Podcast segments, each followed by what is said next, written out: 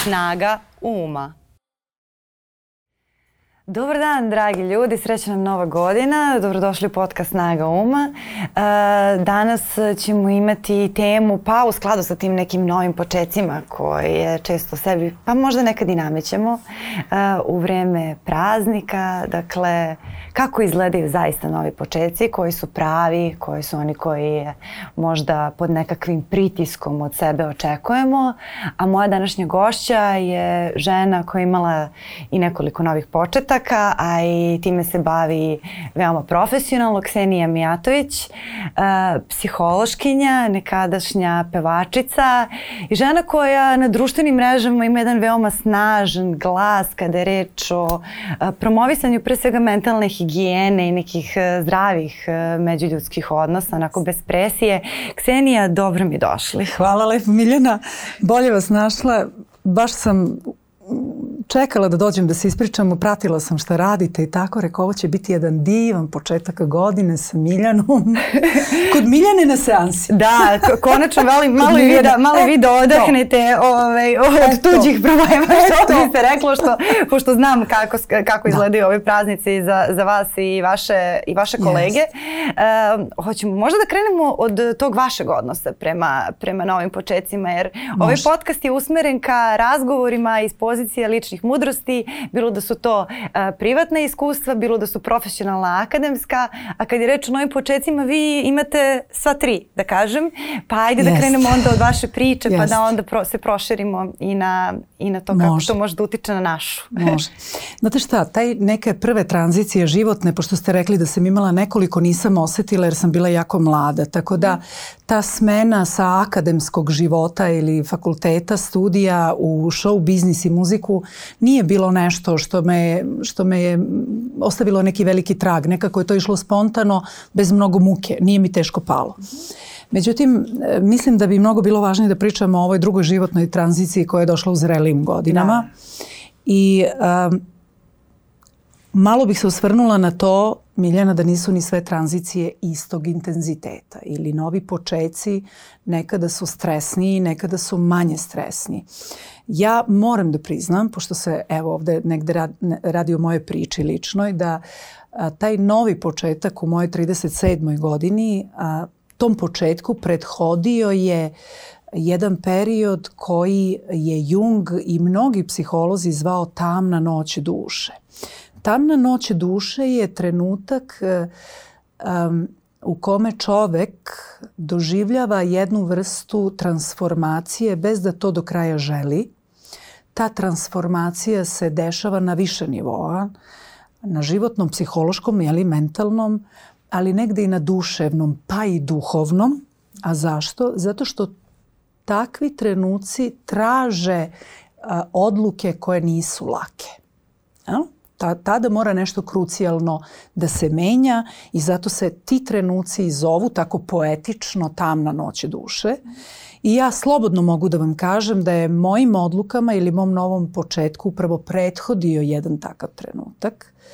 Prethodio stvar stvari jedan kraj. Jest, jedan kraj i jedna odluka da se krene iznova, ali iznova do te mere da čak to nešto nije bilo ni srodno svemu onome što sam prethodno radila. Zašto?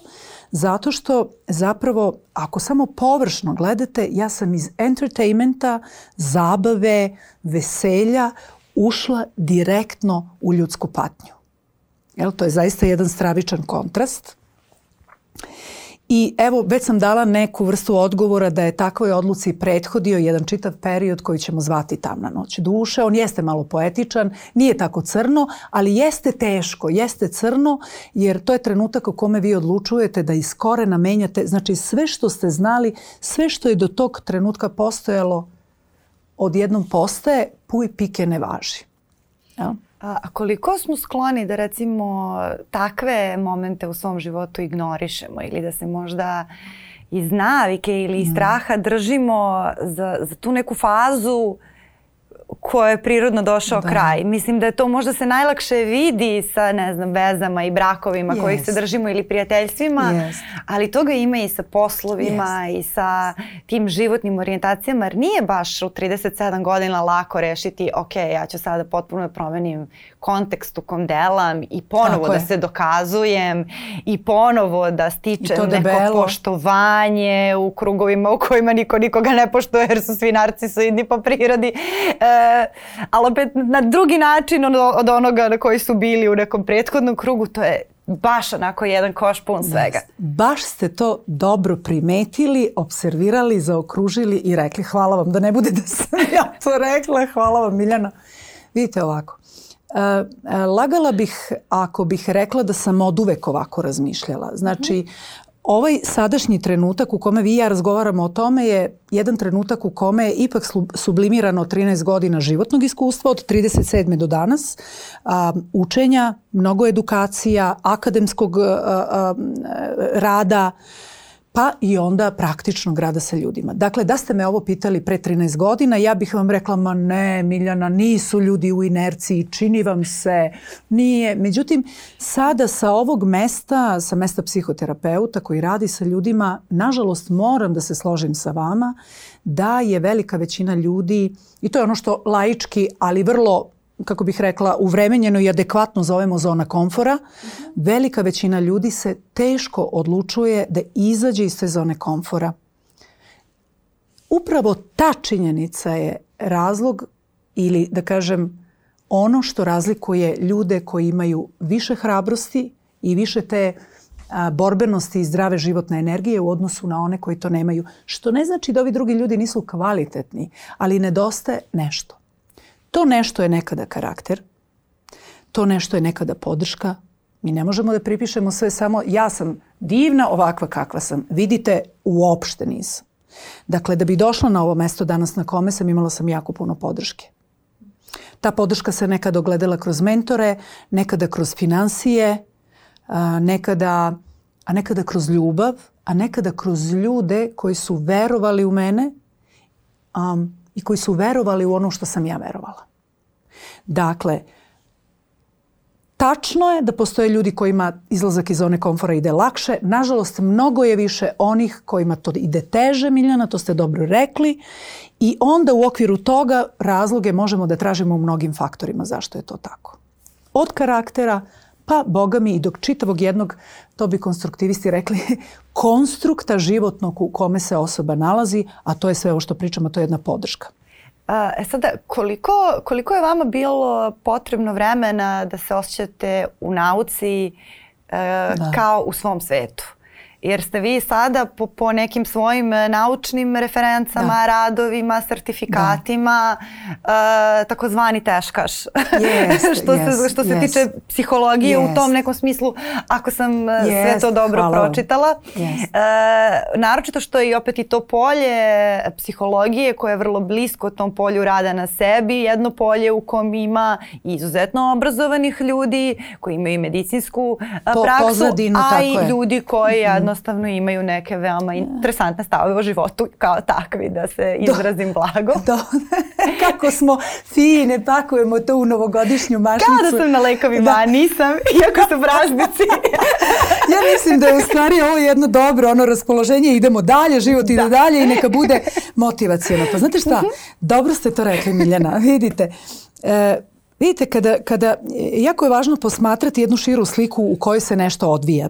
Zašto je to važno? Ne možemo samo selektivno da gledamo nešto. Moramo da uzmemo i neki kontekst u obzir. E, kontekst koji mi u ovoj priči moramo da uzmemo u obzir jeste da ja pripadam jednoj zemlji koja je takva kakva jeste, šta god to za svakoga od nas značilo i u kojoj nekako ne možemo da kažemo da je baš tipično da neko iz show biznisa i entertainmenta ode u potpuno neke suprotne vode, jeli, u neku životnu promenu koja ovako izgleda. Na zapadu to nije ništa niti čudno, niti novo, niti, niti je to tema o kojoj se priča, ali na ovim našim balkanskim prostorima to jeste nešto što je neuobičajeno i netipično. E, a, kako je bilo doći do toga kako ste vi rekli teškaš, hvala vam i hvala vam što ste to, bar je neko to, bar neko to vidi, jer i oni koji bi mogli da vide neće to da vide. Tako da hvala vam Miljana. A, Preći taj put bilo je izazovno, teško, uz puno emoci, emocionalnih oscilacija, um, neverice, sumnje, umora. Dakle, taj, taj put, što bi rekli moji rokeri, bio je rocky road. Bio je trnovit put. Um, mislim da je to razlog, Miljana, zašto često kada smo u ovoj profesiji, i ja bih se složila s vama ono što ste malo pre rekli, da ima narcisoidnosti i moram to da priznam da u ovoj profesiji vrlo često, možda bez da hoće, ne osuđujem ljude, razmišljam samo na glas, a, zaigraju se malo, pa nekako dođu malo u tu poziciju moći. Jel? Kao ja sad nekako poznajem tajne ljudske duše, što je neistinito, jer je svaki čovek unikat. Um, vrlo često mogu da razumem mesto moći na koje dođu, iako ne opravdavam, zato što stvarno taj put je težak. Ako hoćete stvarno da budete e, da nekako verifikujete to svoje znanje na pravi način. To je čitav niz koraka jer ova naučna psihoterapija kao naučna disciplina jeste med, e, medicinske pozadine i ona stvarno traži kontinuirano, kao i medicina, kao i lekari, ona traži, menjaju se teorije, nauka napreduje, menjaju se stvari, pristupi, neuronauke donose jako mnogo novih saznanja. Dakle, kao i medicina, vreme teče, ide tako i u psihoterapiji, to je jedan celoživotni proces učenja. E, kada to nekako uzmete u obzir, onda mislim da ćete lakše moći da negde razumete zašto smo obazrivi, bojažljivi prema onoj drugoj strani, e, e, pro, pro, kako bih rekla, promovisanja raznih tehnika pomoći i samopomoći, upravo zato što se mi susrećemo ne sa onim ljudima kojima je to možda pomoglo, nego mnogo više sa onim ljudima kojima je, za koje je to bilo kontraproduktivno i koji su onda završili u psihoterapiji možda u mnogo težem psihološkom ili mentalnom stanju nego pre toga. Evo, to je, to je neki odgovor. I tu u stvari sada dolazimo do, do te uh, Eh, situacije do tog scenarija koji je mnogim ljudima koji koriste internet blizak yes. verovatno yes. i mnogima koji yes. ovaj razgovor slušaju sada. Dakle, praznici su yes. Eh, vreme neke često i nametnute euforije yes. koje opet o, da. Eh, povlači uh, i, i neku vrstu depresivnog raspoloženja o, da. ukoliko ne može da se isprati ta euforija i uh, šta će da uradi sada neko ko sedi kući sam, ove, čak ni psiholozi, ne, pola njih ne radi jer su yes. na nekim odmorima, yes. možda će da ukuca yes. na YouTube ili yes. na Google kako da se osjećam bolje. I prvo će izaći video snimci, uh, veoma zavodljivi ljudi koji imaju verovatno milione, neki milijarde pregleda, uglavnom su to naravno strani, da. strani autori. Pa i e, naši, ko, Miljana. I naši, da, naši. da, ali dobro, milijarde ne znam yes, da li imaju naši, nemaju, zato da. sam rekla strani, ali je to jedan veoma uh, sličan princip koji je baziran u suštini iz ugla odnosa s javnošću na principu kulta ličnosti. Yes. Dakle, ja ću ti govoriti nešto zbog čega ćeš ti osjećati dobro dok me slušaš i bit će ti sve loše i loše kad me ne slušaš pa ćeš me slušati sve više i više, samim tim ti ćeš postati zavisna od mene. Znači to je neki onako i onda ćeš krenuti da kupuješ moje kurseve, da, da pratiš tako nešto, počećeš da vidiš svet mojim očima.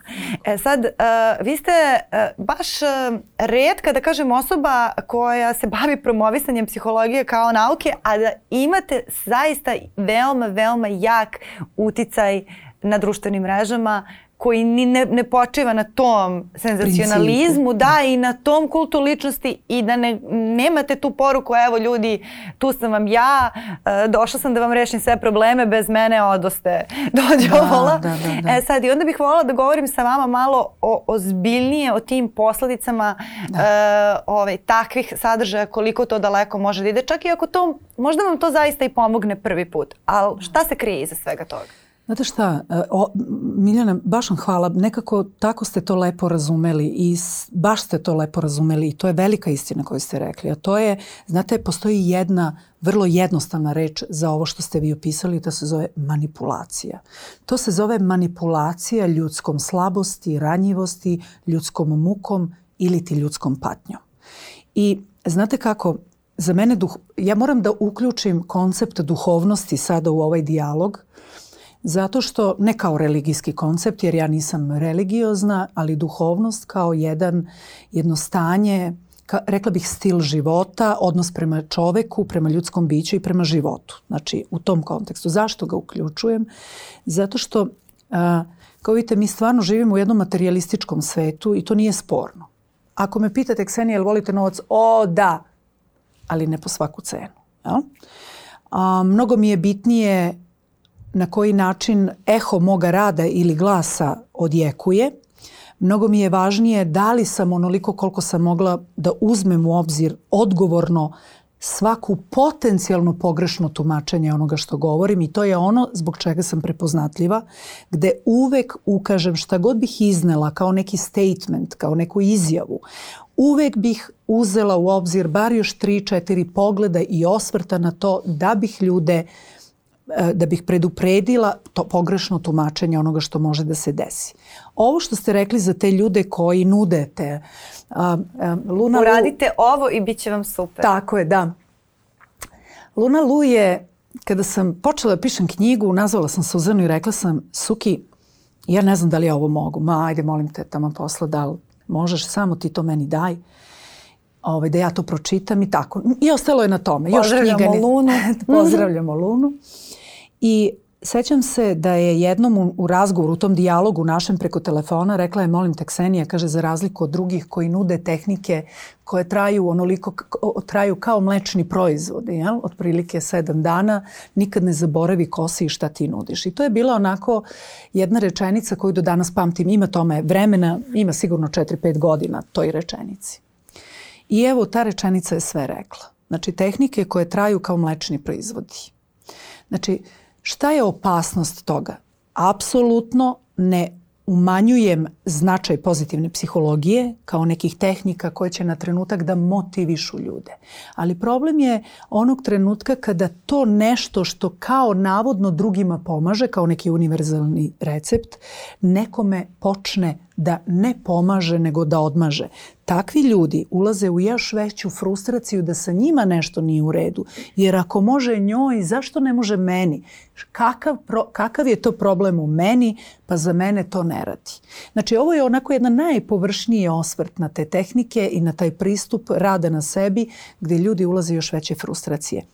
-hmm. Hoćete da uradimo možda jednu vežbu kako Može. bi izgledala ta pogrešna tehnika tipa Uf, jer bi. znam na šta da. znam na šta mislite. Može, ovaj, ajde, ali da jel pokažemo, imate neki? Pa ne znam, meni je meni je uvek to palo na pamet eh, pošto uh, sada baš kao odgovor eh, na da. na na taj uh, nametnuti optimizam. Da. Često se javljaju ljudi koji govore ja prezirem optimizam i sada imamo da. tu jedan opet drugi na talas ono štrumfova mrguda koji pričaju kako nisu optimisti, a to u stvari nije optimizam, mislim. Tako je. To to je ne, ne znam kako bih to nazvala, ne želim da delim dijagnoze, ali to je na tom nivou. Meni sad e, izgori kuća. Da. I tu je ta afirmacija sve je super, ovaj dan je divan, moj život je super. Kao, nije. Da. Ali može da bude super to što smo, na primjer, svi živi. Da to što kuća Tako može je. da se sagradi nova. Tako je. To što je ovo samo jedna loša godina u životu u kojem je mnogo godina. To što smo svi možda zdravi. To što, ne znam, se nešto drugo desilo. Da. Zar to bi trebalo e, da bude optimizam? Evo, dakle, šta je. imamo? Šta evo, nije propalo? Evo vam osnovna razlika uh mhm. -huh. sa terapijskog aspekta. Uh mhm. -huh. Znači, kuća mi je izgorela, ajde uzet ćemo sada da, to da, malo, malo zvuči da dramatičan, dramatičan je primjer, ali, primjer, ali, ali je dramatičan, baš zato sve je u redu, život je lep, e, e, život me voli, sve će biti u najboljem redu. To ne pije vodu onog trenutka ako je poricanje realnosti. Šta bi u psihološkom smislu bilo poricanje realnosti? Činjenica da sam ostala bez doma, da sam u velikom problemu, da je uništeno sve što sam stvorila i da to sa sobom nosi emociju očaja, besa, tuge, beznađa i ko zna čega još. Jedna rečenica takva kao izjava život me voli, bit će sve u najboljem redu. Ne jedno poricanje realnosti, ali i poricanje mene kao čoveka koji se susreće sa jednom tragedijom. Optimizam, na drugu stranu, šta bi bio pristup? Pristup bi, e, adekvatan pristup tome bi bio uh, da je kuća uništena. Mi to zovemo reframing, kada se daje jedan novi okvir iskustvu koje je čovek prošao. Šta to znači na nekom praktičnom nivou? Kuća je uništena, u očaju sam, u beznađu sam, strašna tragedija koja me je snašla, ali da vidim šta u ovom trenutku, da li postoji jedna stvar za koju u ovom trenutku mogu da se foku, na koju mogu da se fokusiram i da se usmerim i da polako nekako vratim život u kolosek ako i u kojoj meri je to moguće. Na čemu mogu da budem zahvalna. Je. To je to, svi smo živi. Tako je. Ako Tako jesmo. Je. To je ta varijanta. Tako je, ali svi smo živi ne poriče realnost ovu, a to je da je beznađe, da, da. da je očaj, da nemamo krov nad glavom i da ćemo možda spavati, sad ja karikiram ko, ko, malo, da, zna, da. ne znam, u baraci. Da. Evo. Tako da, to je najbanalnije. E sad zamislite to Miljana što smo sada ispričali na jednom dubokom nivou, gde ljudi mm -hmm. imaju određenu unutrašnju dinamiku koja je u manjoj ili većoj meri funkcionalna ili disfunkcionalna. I vi odjednom nudite neke tehnike, a da vam ne pričam o tome da nije problem čak ni u tim ljudima. Znate gde je problem? Problem je u jednoj nezajažljivosti za uspehom i parama. Zašto vam to govorim? Zato što vi ako imate ljude koji nisu psiholozi, nisu terapeuti, ok, rade neke tehnike, rade neke terapeutske tehnike. To nije problem, radite. Radite, ako je to za dobrobit čoveka koji kod vas dolazi, radite. Ali šta je osnovna stvar koju takva osoba mora da zna? Ona mora dobro da nauči, se, da, da, da odredi i da napravi selekciju ko je za tehniku, a ko je za psihoterapiju. A ko je za Ono što je moje da. iskustvo najnegativnije je da posle par tehnika ne, pazite, sada neću da ih imenujem. Mislim, vi znate da sam ja u liveu, ako ste pratili moje liveove na Instagramu, sam rekla, ali nema potrebe da sada to radimo. Ali ću vam reći da su u pitanju bile energetske tehnike gde sam imala tri klijentkinje u šest meseci kojima je zaljuljano, mi to tako kažemo, nije možda profesionalna reč, ali, ali i jeste, uzdrmalo se psihotično polje, Dve su završile na psihijatriji sa lekovima sreća na vreme, a jedna je, kako bih vam rekla, to je kao da ste jednom nogom na ivici ponora, drugom stojite. E, ta, ta treća mlada žena od 28 godina je uspela bez lekova nekako kroz rad Verujte i sada, naježim se, evo dok vam pričam ovo, naježim se. Znači, nije problem čak toliko ni u tehnikama koje postoje mimo psihoterapije, nego u ljudima koji ih rade i koji nemaju mehanizam da prepoznaju ko je za njih, ako nije. Evo to je čitava priča.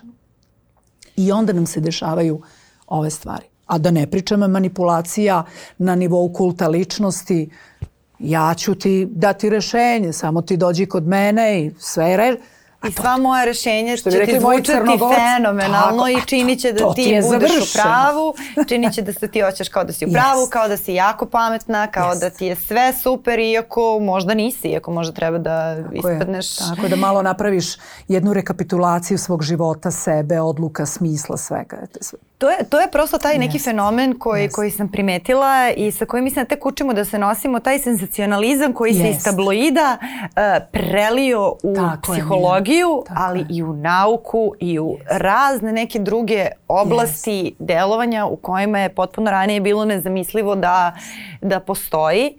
Ima strašno mnogo senzacionalista i među psiholozima, isto kao i među drugim naučnicima, a mi prosto imamo tu neku tendenciju da kada čujemo evo pa ovaj psiholog psiholog ili ova psihološkinja je to rekla, ona ima diplomu, kao da je ta diploma dovoljna, ona je važna jako, ali e, isto kao i sa lekarima, Tako to smo videli tokom korone, to što je neko Uh, dobar lekar možda bio, to ne znači Tako da nije skrenuo e, je. Tako uh, sa, sa, te neke svoje etičke, etičke priče. I šta nam to govori Miljana? Pa ne znam. Pa da smo svi samo ljudi. Mm -hmm. Je tako? Da. Da je diploma jedna, jedna polazna, jedna startna osnova, jeste neka verifikacija nekog znanja, ali ja nažalost i tu moram da se složim sa vama, da i u ovoj profesiji ima vrlo upitnih diploma. I to moram da, da, da vam kažem. Naravno da ih ima. Čujte, ljudi smo. A, ne možemo se od toga odbraniti, znate. Mislim, to je nešto što... Ali možemo ovo da radimo. Kad kažemo ovo da radimo, vi, da radite ovo što vi radite, gde će ljudi ovo će gledati neko kome ovo bude imalo smisla, što vi i ja govorimo, pričamo ovde i, i nekako prenosimo, jel, u etar. Ono što moram da vam kažem je da kad sam ja u pitanju, ne znam, videli ste koliko imam pratilaca, to nije neka velika brojka na, u, u, u igri brojeva socijalnih mreža, to nije velik broj pratilaca, ali je vrlo organski i ono što moram da primetim jeste da su se izgubili, znate, nekako živimo u vremenu sve može, samo da je što više, da igra brojki, da je što više ljudi. Ljudi imaju utisak da što ih više ljudi prati, to su oni moćniji, bitniji. A najopasnije je kada uđete u, u jednu emociju ja sam bitan ili ja sam bitna. Tog trenutka počinje da se urušava sve. Evo, to je, to je to. Ja nekako jako vodim računa koji je moj community. Ja mislim da ja dnevno blokiram po 15 ljudi. Ja, ja verujem da bih imala duplo više pratilaca, da sam ležernija u ovom smislu a, o kome vi govorite. Mm -hmm. Ali znate, ja mislim, Miljana, kad dođete u neke godine koje nisu velike, ali neke godine zrelosti, a, prestaje da biva važan kvantitet. To vas više ne dotiče. Ja sam moje aplauze dobijala i to po 15, po 20 hiljada ljudi na trgovima za nove godine. Um, moja muzika nije bila muzika 20 hiljada ljudi na koncertima, pošto sam pevala u klubovima, ali trgovi nove, ja sam svoje aplauze dobila. Ja danas, ova moja uloga i ovo što radim, ovo što radim, način na koji radim, ja, ja aplauze dobijam od ljudi sa kojima rezoniram, jeli, koji rezoniraju sa onim što govorim, ali aplauzi odavno nisu moj motiv. I to je jedno lepo mesto, da vam kažem. To je jedno jako lepo mesto za biti gde znate kuda idete, znate zašto govorite ono što govorite, u redu vam je da se ljudi sa vama ne slažu, u redu je da vas neko i ne voli, u redu je da neko ne razume šta vi pričate ili da mu se ne sviđa, ali ja nekako čvrsto stojim na svom mestu. Baš. I to je jako dobar ne recept. Znam da, da. Iako nije izgovoren u formi recepta, zato što ja da. inače verujem da što se toga tiče pravi recepti se nikada ne izgovaraju u formi recepta, ali to šta je ono što da. ti, možda bi dobro pitanje da. bilo da. kao šta je ono što ti treba da da bi došla ili da bi mhm. došao u tu poziciju da ti je dobro, da ti ne da. treba potvrda kroz neke brojke, bilo da su te brojke u vidu para yes. ili ovoga ili onoga, da. da to može da bude jedna dobra pouka ovog dela, yes. ovog, eh, ovog Razgovor, razgovora. Da. Ali opet mislim da, da je možda jedna od velikih zamki um, koja se dešava u vašem poslu i protiv koje se vi jako dobro borite, upravo ta potreba za lakim o. rešenjima.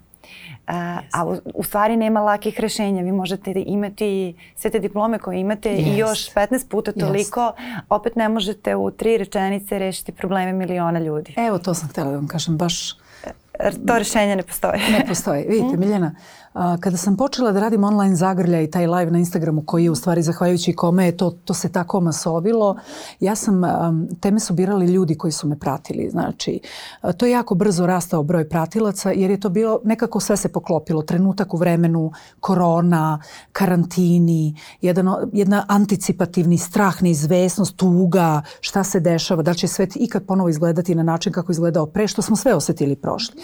I ja sam tada dva puta nedeljno držala live-ove na Instagramu Instagramu na razne teme, psihološke teme, od stručnih tema do onih mekših, lakših, pitkih, veselih. Um, da bi nakon dve godine, otprilike godinu i po dana, jer ja i danas online zagrljaj postoji kao koncept, ovaj, da bi jedna koleginica me nazvala i rekla, znaš, kaže Ksenija, mislim da ne, da ne misliš malo da preteruješ koliko mnogo besplatnog sadržaja daješ, a mi to onda posle treba da naplatimo, treba i mi da živimo od toga, ti I... Bukvalno. Otprilike, evo da. tako. I nije ona bila jedina. Mm -hmm. Nekako je to, znate kako, ja sam malo što bi rekli moj konflikt. Ovaj, ne suprostavljaju se meni, ja nekad mislim da je to i do energije, prosto tako mi je energija. Ne ulazim ja mnogo, ne ulaze ljudi sa mnom u konfrontacije često, tako da je to sve bilo vrlo obazrivo, ali je postojao taj vibe toga. Da, da, da. I, I vidite šta znači pogled na život. Šta je i danas moj stav? Ja znam da rad na sebi traži posvećenost, mentorstvo. Zašto? Zato što, kako da vam kažem, u psihoterapiji mislim da je ovo jako važno da vaši klijenti, da, da vaši, Moji klijenti. vaši gledalci Miljana čuju. da. Zašto je psihoterapija u stvari toliko nezamenjiva? Ovo je jako dragoceno. Uh mhm. -huh. Nesvesni procesi koji su u čoveku koji su sublimacija celoživotnog iskustva do trenutka kada čovek oseti da mu nije dobro ili da želi nešto da menja. Posle, da, dakle, ti procesi koji su duboko u nama nisu u svesnom polju. Jedini način da nesvesni procesi dođu i izađu na svetlost dana jeste putem dijaloga. Dijalog služi, kao i slobodne asocijacije koje je zastupao naš Freud – upravo govore o tome kako i na koji način čovek promišlja, uči da promišlja o sebi, da razmišlja na drugačiji način i da polako kroz vreme uz mentorstvo, jel, uz jednu podršku, kroz drugu čoveka koji je obučen da prati taj proces, dođe do svojih odgovora, pa time i promena i tako dalje. I sad, ako to, ako to razumete, uh, onda je jasno zašto razne energetske tehnike samo trenutno rade svoj posao. I one jesu učinkovite, ali su učinkovite za taj trenutak, ono što bi rekla Luna Lu, kao trajanje mlečnih proizvoda do neke sledeće prilike, nekog stresa i tako dalje. A i taj trenutak uza, ukoliko je neki, da kažem, banalan trenutak, yes. ukoliko je potrebno yes. da se nateramo, da ne znam, odemo na trening, ali ako smo izgubili blisku osobu. Tako je, tako je Miljana. I sad vidite. možda nije dobro ni taj trenutak da posvetimo baš tome. Slažem se. Uh mhm. -huh. I sad vidite, izgovoriti tako nešto, daješ besplatan sadržaj, za mene je bilo jezivo ali bukvalno jezivo. Jer ja znam šta podrazumeva proces promene u čoveku. I tu je, postoji jako važan faktor, a to je strpljenje. Gde je strpljenje, tu odmah vezujemo šta? Koji resurs? Vreme. Da. A spremnost da dozvolimo sebi to vreme i podrška. Niko nije stigao tu u životu gde je stigao sam. Molim vas da to zapamtite. Grozim se, to sam baš rekla nedavno, da se grozim ljudi koji dođu u te razne podcaste, emisije. Ja sam od, ne znam, to sam, pa sam to.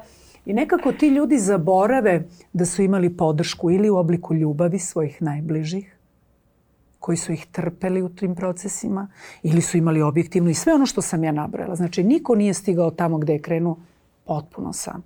To je jedna zabluda i to je jedna greška. I sad zamislite mene koja imam ovakav pristup a, lajvovima i tome i koja znam, a, ali ono što mogu da uradim kroz sadržaj koji dajem je da inspirišem ljude. A, nekada mislim da mi treba dati orden za promovisanje psihoterapije kao naučne discipline, ali evo, da ne dužim. Dakle, ne postoji besplatan sadržaj. Postoji sadržaj koji nudiš i omogućavaš ljudima da shvate šta ih u procesu promene čeka i daj što više možeš jer i mi znamo da ni oni neće moći sami. Pa zar nije lepo bar inspirisati? Ne mogu ja sve te ljude da primim i da hoću. Dakle, ja ne radim iz ličnih motiva. Jer ja kad bi radila samo iz ličnih motiva, pa šta to znači? Pa ne mogu ja da se multiplikujem u pet ksenija za sve a, a, a, pozive koje imam da radim s ljudima. Ne mogu fizički to. Dakle, daj ljudima. Zašto daj? Daj im zato što kako meni da bude dobro ako ljudima oko mene nije dobro? Stalno to ponavljam Miljana. Kako meni da bude dobro ako ljudima oko mene nije dobro? Šta mi znači moje dobro? E, a sad, e, to što ste rekli, šta sve ljude očekuje u tom procesu da, promene. promene. Mm -hmm. o, da li biste tu mogli možda malo više da nam da. kažete da. generalno o samom tom procesu, e, koliko tu to iznenađenje nosi, e, da. sa kakvim očekivanjima ljudi dođu, a, a šta se tu onda ispostavi. Jer ljudi često krenu na, na primjer, psihoterapiju ili uđu u proces rada na sebi misleći da im je problem jedno, onda se ispostavi da je u stvari je. prostor za rad na nekom potpuno drugom mestu, ako se ne veram. Tako je, baš tako Miljana. Moje iskustvo je sledeće. Ovaj, ljudi nekako ali razumem i to, brzina vremena u kome živimo, svi bi instant rešenja. Mislim da ljudima najteže pada kada im kažete da je potrebno vreme, da promena traži svoje vreme. Nije problem. Znate zašto traži vreme? Zato što ljudi vrlo često u psihoterapiju dođu sa tim da znaju gde je problem, oni znaju i šta treba da urade. Vrlo često, neki ne, Ali vrlo često je ovo princip da ljudi znaju gde je problem, zašto je taj problem nastao, znači znaju i uzrok, znaju i šta treba da urade, ali oni to ne mogu da učine. Dakle, tu, e, to je trenutak u kome mi stupamo na scenu, jel? između ostalih. Mhm. Kada se takve stvari dese, nama je jako teško da predučimo našim klijentima da promena mora da se utelovi. Šta to znači? To znači da je potrebna podrška kroz vreme vrlo smislena. Da bi sve to što klijent zna mogao, sad ja malo plastično objašnjavam da bi ljudi to mogli da razumeju, da bi sve to što ljudi znaju, oni koji dolaze u terapiju, da bi na neki način kroz procese razumevanja svojih blokada zašto ne mogu, kroz vreme te blokade polako počele da popuštaju, da bi se onda taj korak ka nečemu novom napravio. Dakle, ono što ne znaju je gde su te blokade. Da. Vrlo često. Misle da su na jednom mestu, a budu na potpuno drugom mestu. I to onda počne kako? Kako prvo uh, u trenutku kad krenu da delaju iz problema ili iz neke Tako traume, je. prvo se to prepozna. Tako je. Pa se onda Tako to, je, to se zove radna svesnosti. Pa se onda zaustavlja, pa se onda Tako prevazilazi. Je. to neki put? Tako, znači prvo je radna svesnosti. Prvo klijent počinje da sagledava šta je sve u tom polju. Da to nije samo neka mama koja traži ne znam to, to, to i to ili već ne znam neki tamo partner e, s kojim ne može da se konfrontira jer on ode emotivno, emocionalno je nedostupan. Nego mi shvatimo da tu ima mnogo toga. Mi shvatimo da prvo da je u tom polju jako mnogo faktora, nemogućnost da se možda izraze, e, da možda ne biraju dobar trenutak, da ne prepoznaju svoju emociju, da možda u toj emociji ne umeju da odgovore ili da se zauzmu za sebe. Znači, milion je opcija. Da, dakle, prvo je rad na svesnosti, a onda susret sa sobstvenim delom odgovornosti. Jer je u prirodi čoveka da često misli ja bih tako, ali on – ja bih sigurno to uradila, ali ona. Jel? Mm -hmm. I onda ide susret sa sobom na emotivnom nivou. E tada je potrebno suočiti se sa sobstvenim delom odgovornosti u, u svom životu, šta smo dopustili, šta nismo, iz kog razloga, na koji način i to prate emocije. Te emocije umeju da uznemire klijenta u terapiji. Vrlo često klijenti kažu ja sam krenuo da meni bude bolje, meni je lošije, ali mi Isto tako tada kažemo, ali vi morate da prođete, da bi došlo do katarze, vi morate da prođete kroz sadržaje koji su duboki i emotivni, koji vam nisu bili dostupni. Kada klijent nauči da se, da ostane sa tim svojim emocijama i da razume sebe u njima, svoje blokade, on je tada dobio prostor da nešto uradi drugačije. I tu počinje polako da se promalja glavica promene. Ajde tako da to nazovem. I tu, I tu onda u stvari dolazimo do, do one suštinske razlike između tih, e, ajde da ih nazovemo tih e, motivacionih life coaching sadržaja Tako koji Tako u stvari samo glade naše greške Tako. uh, i uh, uvek ćemo se osjećati prijetno dok ih slušamo o, da. uh, jer, jer deluju Neki kao osnaživanje. Pa, da, pa neki će da možda značiti ili oni u stvari osnažuju taj konstrukt e, u kom se mi nalazimo i u kom ne želimo da ostanemo. Tako je. Jel to, jer, da li je to u stvari taj koncept? Jeste i nekako ono što ja čujem, Miljana je često se onako stavlja akcent na nekoj disciplini i tako dalje. A moje iskustvo je drugačije, da ljudska kreativnost, kreativnost čoveka a, dolazi kroz jedan potpuno drugačiji pristup sebi. Pa jeste. Da nije ta samo disciplina, rutina, ne znam, Ustani greške, pet, to, ne da. znam, ne, i tako dalje. Ja često mojim klijentima kažem, samo zato što ste napravili grešku, ne znači da ste vi greška. Treba samo da vidimo gde, u kom delu vašeg postupka ili akcije je nešto možda propušteno da se uradi ili nešto nismo videli dobro ili razumeli dobro i to je neka priča za neki sledeći put. I to je rečenica koju uvek govorim. Samo zato što ste napravili možda grešku, ne znači da ste vi greška. I ta priča morate da verujete u sebe. Ne, morate, Boga mi. Evo, ja nisam verovala u sebe. Verovala moja majka, moji prijatelji. Ja kad sam krenula posle te tamne noći duše, kako smo je nazvali, ja sam bila kao jedno izgubljeno dete sa jednom idejom da mogu da doprinesem ovom svetu i kao Važna je vera u sebe. Ne znam šta to znači. Mogli bi o tome možda nekom sledećem priliku. Vera u sebe. Pa ja isto ne znam šta to znači. Dobro sada kada to malo, sada kada to malo kažete zato što se to i ima mnogo tih imperativa Jest. za koje uopšte ne znam. Sećam se davno pokojni glumac Vlasta Velisavljević nešto smo sedeli i sad on u tom trenutku ima recimo 93 godine, da. dakle u cvetu mladosti je. I ja ga pitam Vlasto koja je najprecenjenija ljudska osobina? Da. I on naravno kao i stopa kaže ambicija. Kaže, svi kažu budi ambiciozan i tako dalje, a kada pogledate istoriju čovečanstva koju se on seća pritom, znači ono kao tako se, je, čovjek je, je kao ceo 20. vek je preživeo. Yes. Seća se, ono bio u nemačkom logoru, otprilike u Dortmundu tuco kamen. Tako je. Um, a pa zaista, pa bez nikakvog, bez, bez pa pretirivanja.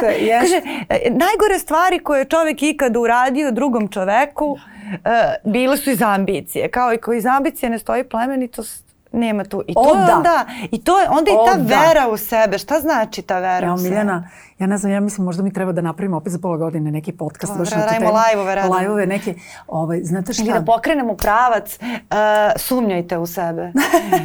Nije Kao, loše sumnjati u sebe. Znači to ako se bavite naukom. Znači to ako se bavite naukom je, i ako podučavate, da, kao budite malo više kao da. Sokrat, da. malo manje kao tako je. ne kao znam, Kenny West. ovaj hedonist egoistički samo. Znate da. šta? Ovaj, Vera, u... vidite, eh, e, to je, mislim da je površnost prava, pravi odgovor, da se sve gleda vrlo po, površno i kao moraš da veruješ u sebe. E, dobro, objasni mi šta to znači. Uh mhm. -huh. Evo ja sam, ja sam vam primer da je u mene više verovala moja okolina nego ja u sebe u tom trenutku, ali šta je za mene to značilo? Pa ta jedna ideja, aha, ako oni misle da to mogu, možda ja to stvarno mogu. Tako da vera u sebe nije nešto što kao ti samo prosto uradiš. Mi bi mogli fenomenološki to da rašlanimo na jako puno nekih koraka. Šta je ta vera u sebe? Kako, kako se uopšte dolazi do toga? Da li je, šta je potrebno da se desi da bismo imali vere u sebe? Pa morao bi da se desi neki rezultat, morao bi da se desi neki, neka, neka validacija ovaj, onoga što radimo na neki način, neka potvrda. A šta nam to govori? Opet drugi ljudi. Šta meni znači sve što ja jesam? ako nemam čoveka ili ljudsko biće kroz e, e, u kome će, u tom odnosu, u toj relaciji sve ono što ja jesam, da se ispolji manifestuje. I to je ono što ja stalno govorim. Mi smo ništa jedni bez drugih. Sve moje što ja znam bilo bi samo neko pasivno znanje i ja bi bila neka flesh and blood, ono, kući. Dakle, sve ono što ja jesam, imam ili mogu da ponudim jedino i isključivo dobija prostor da se ispolji i manifestuje kroz druge ljude. Eto, to je nešto što... I tako, ta ideja online zagrlja je zapravo jedna ideja da se ponovo da se shvati ta priča o važnosti drugih ljudskih bića, o jednoj empatiji, ljudskoj solidarnosti, dobroti, kada to shvatimo, da u krajnjoj liniji Miljana, toliki ljudi su usamljeni, imaju sve, ali su usamljeni, nemaju um, ono što je ipak na kraju dana važno, a to je neko sa kime će sve ono što mi jesmo živeti. Se slažete? Pa slažem se. Eto. I možda sad kako evo privodimo ovu kafu kraju, da. ali slažem se, moramo, moramo da. imati još nekoliko ovakvih se. razgovora. Ovi, ovaj, nadam se da ću i ponovo moći da vas ugostim. Hvala. Pa, da to jeste dobro pitanje, naročito ukoliko želimo taj novi početak. E, Jest. Šta želimo sebi, ali šta želimo i da poklonimo Tako drugima. Tako je. I šta nas raduje možda dok da poklanjamo Tako drugima. Je. Znate šta, evo ja bih ako, ako imam još vremena za jednu rečenicu, Ajde. s obzirom da je nova godina i svi su u fazonu rezolucija, u ovoj godini ću to, to, to i to i svi naprave neke spektakularne planove. A, mm, ja ću to vrlo brzo, mm, ovaj, nekako sam to i postavljala na, na ovaj, socijalne mreže i još ću govoriti o tome. Ja sam predložila pred ove praznike na, na, na svom Instagramu da razmisle šta im, ljudima koji me prate, šta im je nedostajalo u ovoj godini. I ja sam tražila od njih da sebi obećaju da pruže u ovoj godini ono šta im je nedostajalo u prethodnoj, a ne da prave nove planove. Svakako nas život ne miluje. Planovi su neizostavni.